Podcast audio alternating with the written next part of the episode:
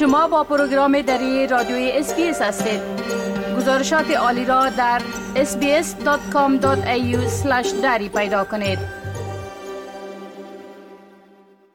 حال با جاوید روستاپور خبرنگار برنامه دری رادیوی SBS برای جنوب آسیا به تماس هستیم که اونا درباره تازه ترین رویدادها در ارتباط به افغانستان صحبت می‌کنن.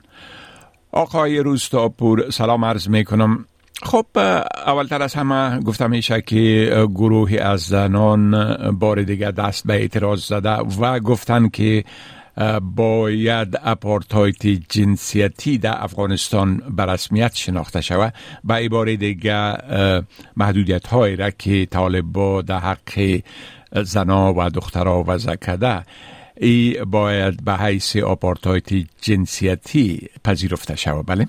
با سلام وقت شما بخیر آقایش که برای امان گونه که شما اشاره کردیم گروهی از زنان معتریض که تحت نام جنبش زنان پنجره امید امید افغانستان اینا خودن نام نهادن در یک اعتراضی که در یک محل سربسته برگزار شده تجمع کردن و گفتن که کشورها سازمان ملل و نهادهای بشری سکوتشان را بشکنند و برای به رسمیت شناختن یا پارتای جنسی در افغانستان باید گام های عملی بردارند.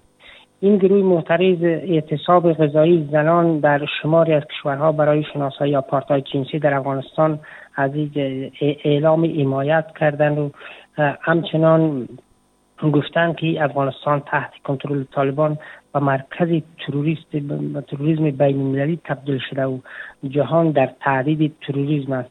این زنان همچنان این زنان معترض همچنان قتل عادی حسن و علی خان پسر و پدری که در ولسوالی خاص روزگان چند روز پیش به قتل رسید ای را محکوم کرده و همچنان خواستار توقف جنایات علیه ساکنان مناطق ازارنشین از سوی طالبان شدند.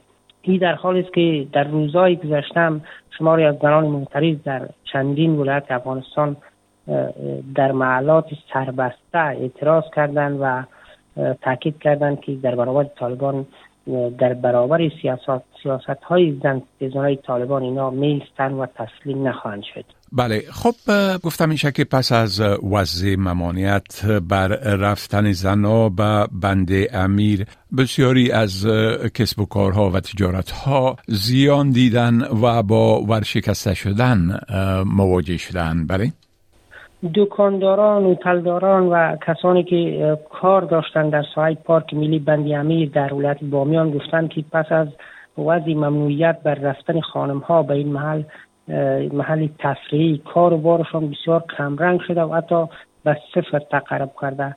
به گفته کسانی که در این محل در این پارک تفریحی که کار و بار داشتن در کل درآمدشان با سقوط طالبان این ناچیز شده بود. اما پس از اینکه وزیر سرپرست وزیر امر به معروف علیه از منکر حکومت طالبا به تاریخ چهار سنبله در یک نشست خبری در بامیان گفت که زنان در دو سال گذشته ایجاب اسلامی را رعایت نکردند و به همین دلیل دیگر نمی‌توانند به بند امیر بروند.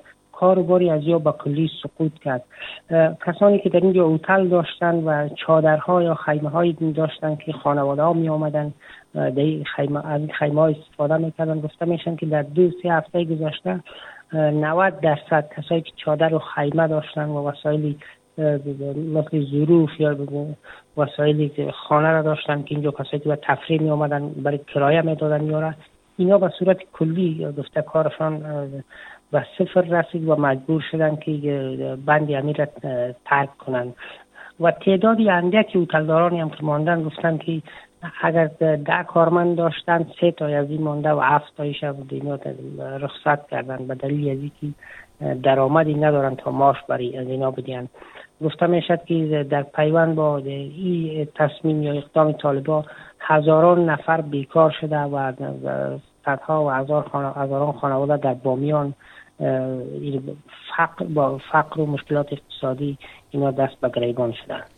بله خب همچنان گزارش شده که علمای شیعه ترکیب شوراهای اسلامی ولایتی را که اخیرا اعلان شده غیر عادلانه خواندن و اعتراض کردن. بله؟ به دنبال ایجاد شورای علما علما از سوی رهبری طالبان برای عفو ولایت افغانستان شورای علمای شیعه افغانستان آن را غیر عادلانه و بدور از انصاف خوانده. سید حسن عالمی بلخی از اعضای ارشد شورای علمای شیعه افغانستان گفته که این گونه اقدامات فاصله را بیشتر بین اقوام و مذاهب مختلف که در افغانستان وجود دارد ایجاد می‌کند.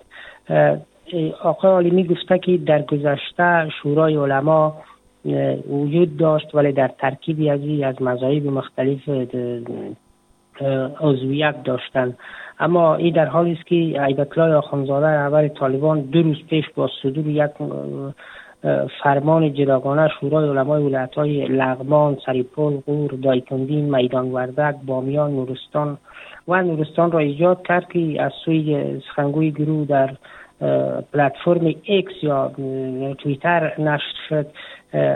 اما در این فرمان دیده می شد که در ولایت هایی که اعضای عزیز اعلام شده پیروان مذهب اهل تشیع هستند ولی هیچ عضویتی در این شورا ندارند که این مسئله همچنان واکنش برانگیز هم شده در شبکه اجتماعی.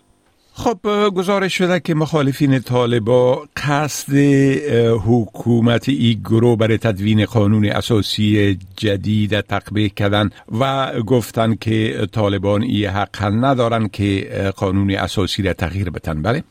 شماری از مخالفین طالبان به شمول شورای مقاومت ملی شورای مقاومت برای نجات افغانستان در یک اعلامیه نسبت به آنچه که تلاش طالبان برای تغییر قانون اساسی خوانده شده واکنش نشان داده و تاکید کردن که گروه چون مشروعیت سیاسی ندارن نمی‌توانند دست به چنین اقدامی بزنند این شورا اعلامیه نشر کرده که گفته که این قانون قانون اساسی به عنوان یک وسیقه و امانت ملی اساس قانونگذاری هر کشور را تشکیل می‌دهد و زمانتی برای حفظ شهروندان شهروندانش است.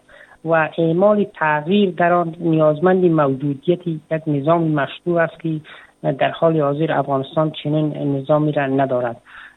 همچنین شماری از حقوقدانان هم گفتند که خب طالبان در فعلا قانون اساسی را لغو کردن و از او استفاده نمی‌کنن قانون خود را دارن و چیزی هم که بسازن تنها برای تطبیق او بالای مردم افغانستان فعلا نمونه حاکم هستن هر چی بخوان ولی قانونشان در محاکم بین المللی و سوی کشورهای دیگر و همچنان نادای بین اینا مشروعیت ندارد چون طالبان یک گروه هستند. بنابراین مخالفت ها در پیوند به این مسئله جدی است اما طالبان چند روز پیش الله مجاهد گفته بود کار بالای قانون اساسی جدید جریان دارد و پس از تکمیل قانون کابینه حکومتی از اینا هم اعلام خواهد شد. بله خب بسیار تشکر آقای روستاپور از گزارشتان و فعلا شما را به خدا میسپارم. روز خوش برتان آرزو می‌کنم. وقت شما هم خوش خدا حافظ ناصرتان. بپسندید شریک سازید و نظر دهید. اسپیس دری را در فیسبوک تعقیب کنید.